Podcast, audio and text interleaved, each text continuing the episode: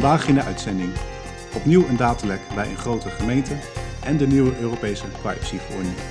Mijn naam is Bas de Groot. Welkom bij de VKA Privacy Podcast.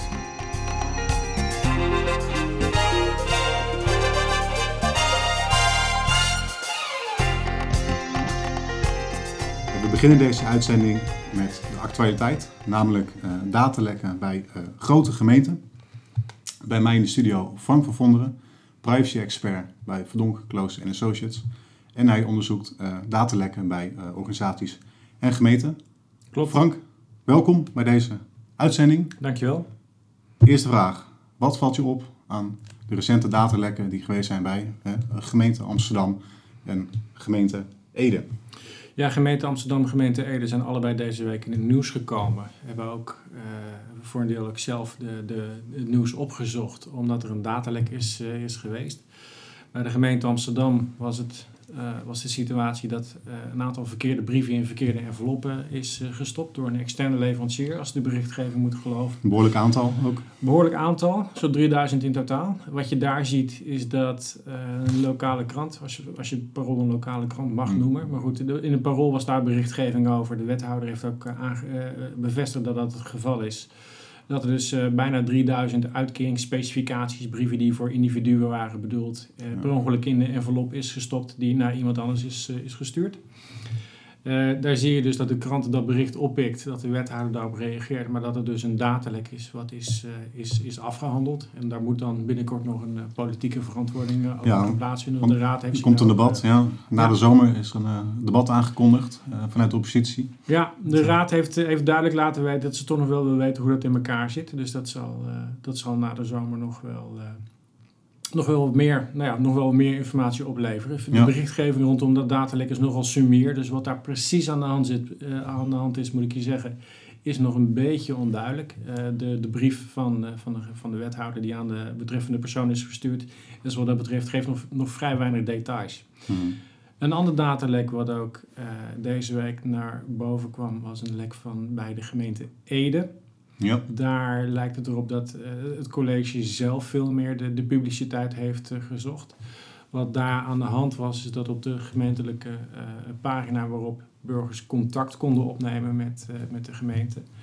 Dat is zo'n informatieformulier waarin je naam, adres, woonplaats, e-mailadres. Nee, nou, woonplaats natuurlijk heel. Ja. naam, e-mailadres en de vraag kon, kon opgeven.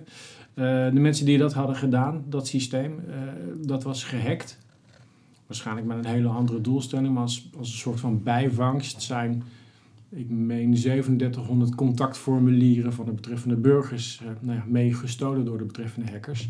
Ja. Waarvan de gemeente niet kan uitsluiten wat ermee is gebeurd. Niet precies kan aangeven wat ermee is gebeurd. Nou, ze hebben dat zelf gemeld bij de autoriteit en daarmee ook uh, de publiciteit gezocht. Ja, wat opvalt, hè? Uh, veel gemeenten in het nieuws. Ja. Waarom zijn het juist die gemeenten die in het nieuws komen? Um, veel gemeenten in het nieuws. Ik, ik, denk dan ook gemeente Rotterdam. Eerder dit jaar ja. in, uh, in het nieuws gemeente Oegstreeks in het Kielzocht. Dat was in feite de, dezelfde, dezelfde hek. Ook de gemeente Amersfoort in het nieuws, uh, breed in het nieuws. Um, ja, waarom gemeenten? Nou, ik, ik denk dat er, dat er een aantal redenen voor zijn. Uh, het zijn natuurlijk veel gemeenten. En als er veel gemeenten zijn, is er natuurlijk ook een grotere kans dat er wat fout gaat. Um, tegelijkertijd is er ook nog wel het een en ander aan te merken op het niveau van beveiliging. Er zijn ook wel wat onafhankelijke rapporten voor. Maar de belangrijkste reden waarom de gemeentes regelmatig in het nieuws zijn, is denk ik ook dat zij een soort van een glazen huis opereren. Het zijn publieke organisaties die, en, en, dat vereist ook een zekere uh, transparantie. Um, en dat betekent dat ze ook zelf, voor zichzelf de plicht voelen om naar haar burgers toe open te zijn over wat er gebeurt. Naar de raad moeten ze zich verantwoorden, naar de burgers uh, moeten ze zich verantwoorden. En ik denk dat nou ja, door dat opereren in, die, glazen, in zo'n glazen huis, dat, dat de aanleiding is dat je zoveel gemeentes hoort die een daadwerkelijk hebben. Zeker, want ik wil nog even terug naar de gemeente Amersfoort. Ja. Want daar heb jij toch een uh, nadrukkelijke rol gehad. Nou, niet bij het datalek zelf, maar het, uh, bij het onderzoek uh, ja. naar datalek. Um, Nee, de gemeente Amersfoort was een, was een uniek geval. Uh, in die zin dat er een datalek ontstond in uh, de maand januari. Uh, maar door allerlei oorzaken was er pas veel later het jaar aanleiding om dat ook aan burgers te melden en dat ook bij de autoriteit te melden. dus er waren eigenlijk twee dingen vervelend Eén, het lek zelf. Dat betrof toch wel gevoelige gegevens van zo'n 2000 burgers die waren gelekt. En het tweede was dat het zo'n tijd duurde, in ieder geval ook in het beeld van de publieke opinie, uh, voordat er adequaat werd gereageerd. Daar zijn ook echt serieuze vragen gesteld aan het college, uiteraard. Maar meer dan dat is er ook gewoon gesproken over moties van, van wantrouwen. Waarbij, nou ja, toch eigenlijk wel een van de eerste keren dat ik het heb gezien, ook de bestuurlijke consequenties uh, op tafel kwamen. Um, de wethouder van Amersfoort heeft ook gevraagd om een onafhankelijk onderzoek. Die resultaten zijn overigens ook beschikbaar. En daarin zie je ook wel ja, wat er eigenlijk allemaal fout kan gaan in, in de afhandeling van een datalek. Er zijn wel een hele hoop lessons learned uit uh, te ja, halen. precies. Daar komen we zo op. Nog even terug naar dit uh, datalek, uh, dit mm-hmm. onderzoek naar het datalek. Dat heb jij gedaan. Um, het is gewoon een openbaar onderzoek. Hè. Het, het, het staat de resultaten ook, zijn openbaar. Het staat online. Ja. We zullen het ook voor de luisteraar op, in onze show notes is het onderzoek ook te vinden, te raadplegen. Uh, wel interessant om te zien hoe het allemaal beschreven wordt, uh, het hele onderzoek. Nog, nog, nog even terug. Um, we hebben het steeds over datalekken, maar mm-hmm. wat is precies een datalek? Ja, uh, er is wel een hele mooie academische uh, definitie voor te geven, denk ik. En tegelijkertijd is die in de praktijk ook weer heel moeilijk uh, toe te passen. Een datalek is, zou je kunnen omschrijven als gevoelige gegevens die buiten jouw controle raken. Nou, dat klinkt allemaal hartstikke mooi. Als je kijkt naar de datalekken van de gemeentes waar we het net over hadden, dan zie je dat er nog wel een groot verschil in zit. Rotterdam en het Oegsgeest, dat gaat over gegevens die bij een externe er, uh, beschikbaar waren en die zijn per ongeluk ergens online gezet. Mm -hmm. ja, er zit ja. wat digitaals bij, daar zit een externe bij, er zit een, er zit een, zit een fout van, van iemand bij. Uh, bij Amersfoort gaat het over het per ongeluk mailen van vertrouwelijke gegevens naar iemand die dat niet had moeten ontvangen. Dus ook elektronisch, maar dat is wel geëigend gebruik. Dat is dus weer een ander type datalek. Gemeente Amsterdam, brieven in de verkeerde enveloppen stoppen heel fysiek iets, hè, wat dan ook ineens een datalek is. En bij gemeente Ede hebben we het uh, ronduit over, over een hack, over een elektronische inbraak waarbij gegevens zijn gestolen.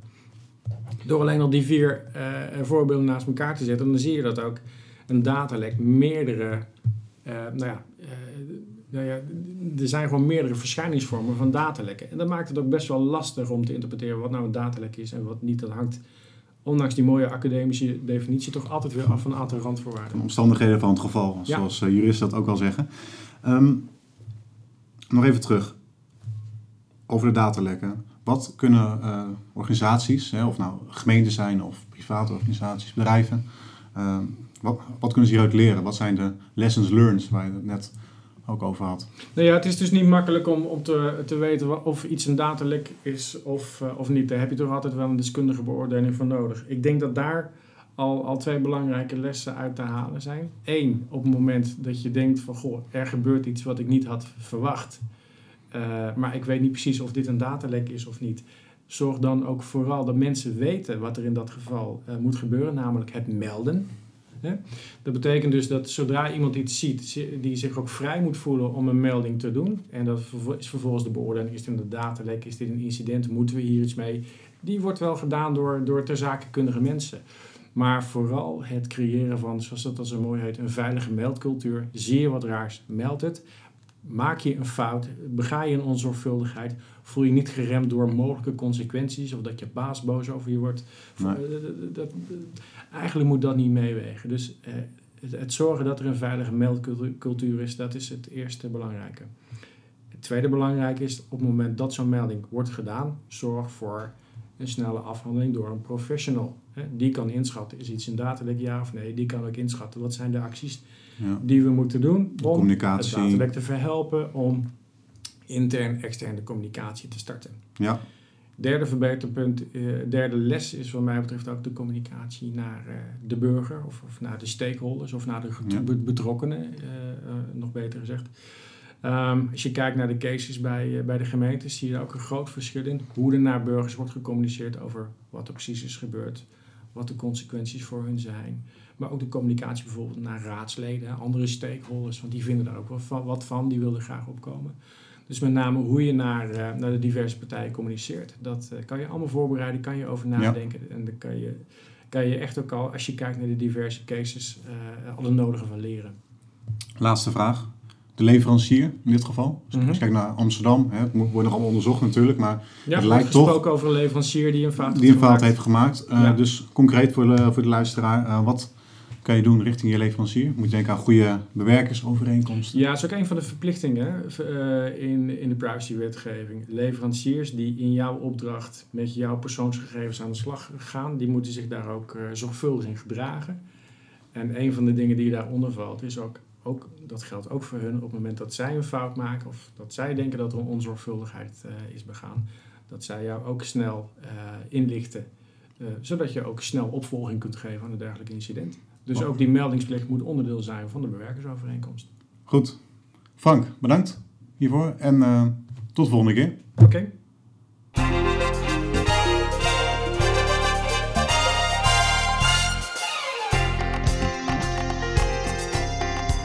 We zijn aanbeland bij het tweede deel van de podcast, namelijk eh, de nieuwe Europese privacyverordening.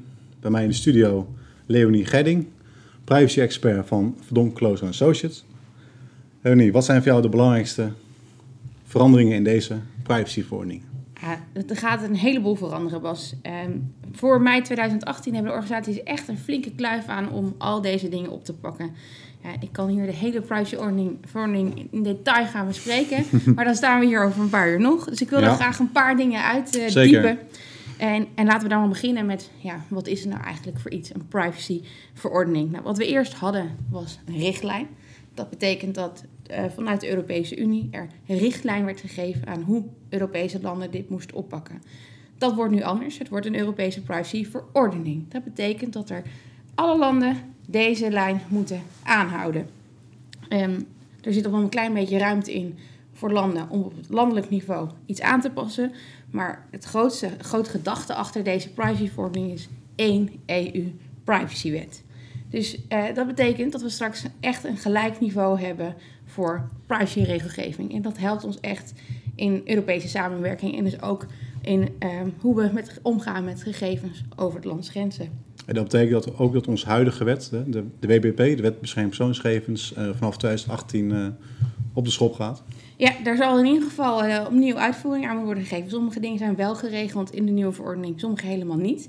Ja. Ja, ja, daar waar er nog wel ruimte is om dingen aan te passen, mogen we dat op nationaal niveau doen. Ja, en hoe dat ervoor staat, dat weten we nog niet, maar we weten wel dat we flink aan de slag moeten. Ja, Ja, en wat is dan eigenlijk de kern van die verandering? Ja, dat staat toch wel bij de burger, bij de persoon die, wij noemen dat als, nou ja, vanuit juridische termen, eh, de betrokkenen, die staat helemaal centraal in de wetgeving.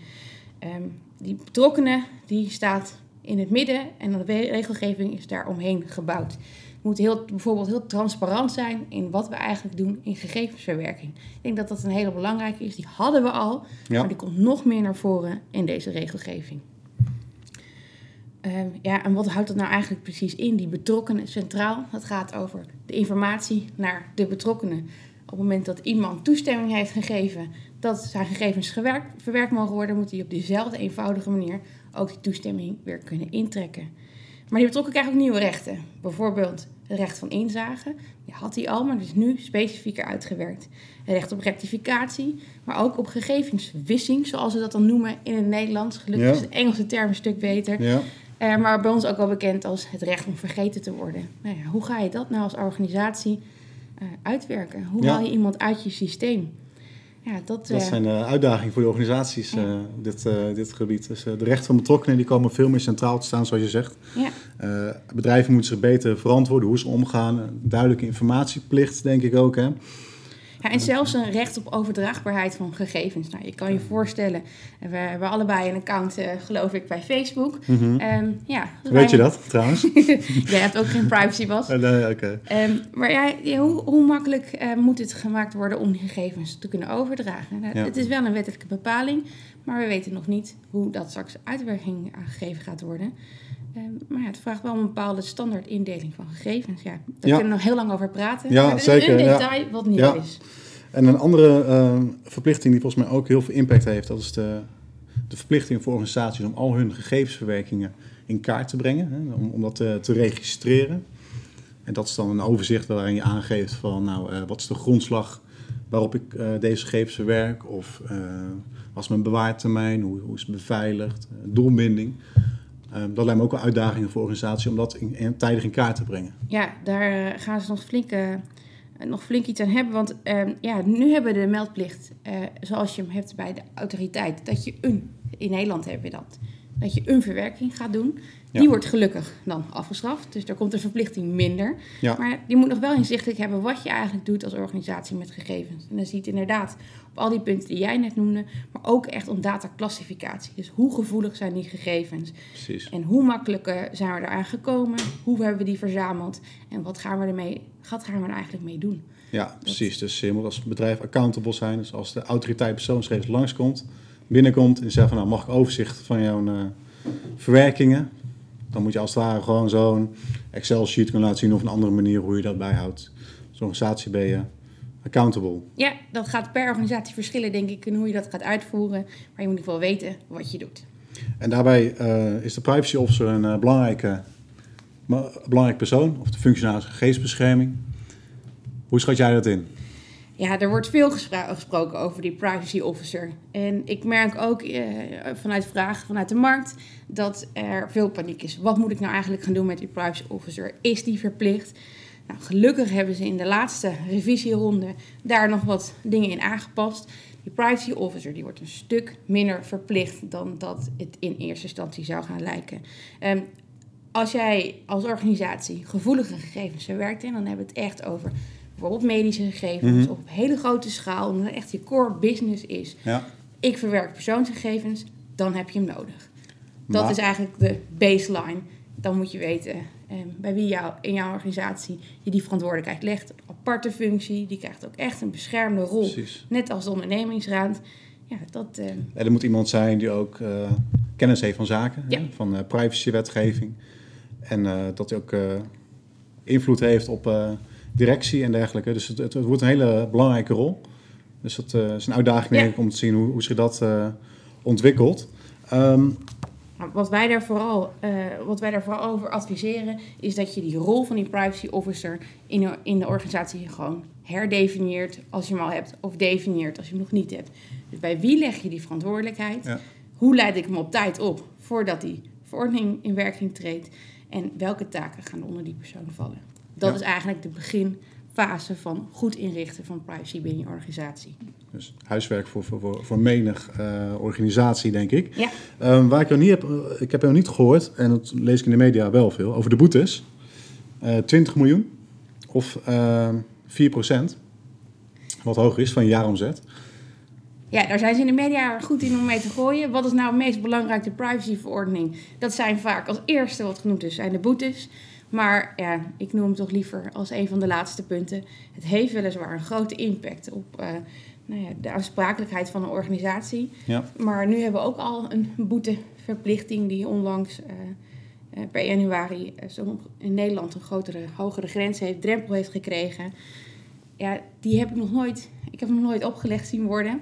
In Duitsland onlangs hebben ze een eerste boete opgelegd. Niet van een enorm bedrag, maar toch er wordt wel een waarschuwing afgegeven, maar de eerste keer dat er 4% van de jaaromzet, internationale jaaromzet, wordt opgelicht, dat moet ik nog zien gebeuren. Dat moet je ook heel bold maken. Als ik lees in de GDPR of in de privacyverordening, dat gaat echt om negeren van aanwijzingen van, uh, van uh, autoriteit persoonsgegevens bijvoorbeeld, of echt gewoon de fundamentele beginselen van privacy uh, zodanig schenden. Dat moet je wel redelijk bold maken. Het zou ook meer een statement zijn richting de grote jongens zoals Facebook en Google van hey, ja, wij hebben wel spierballen. En, die boetes hebben met name een sterk punitief karakter. Dus echt, je wordt flink op je vingers getikt, maar dan moet je het wel ook echt bond maken. Ja.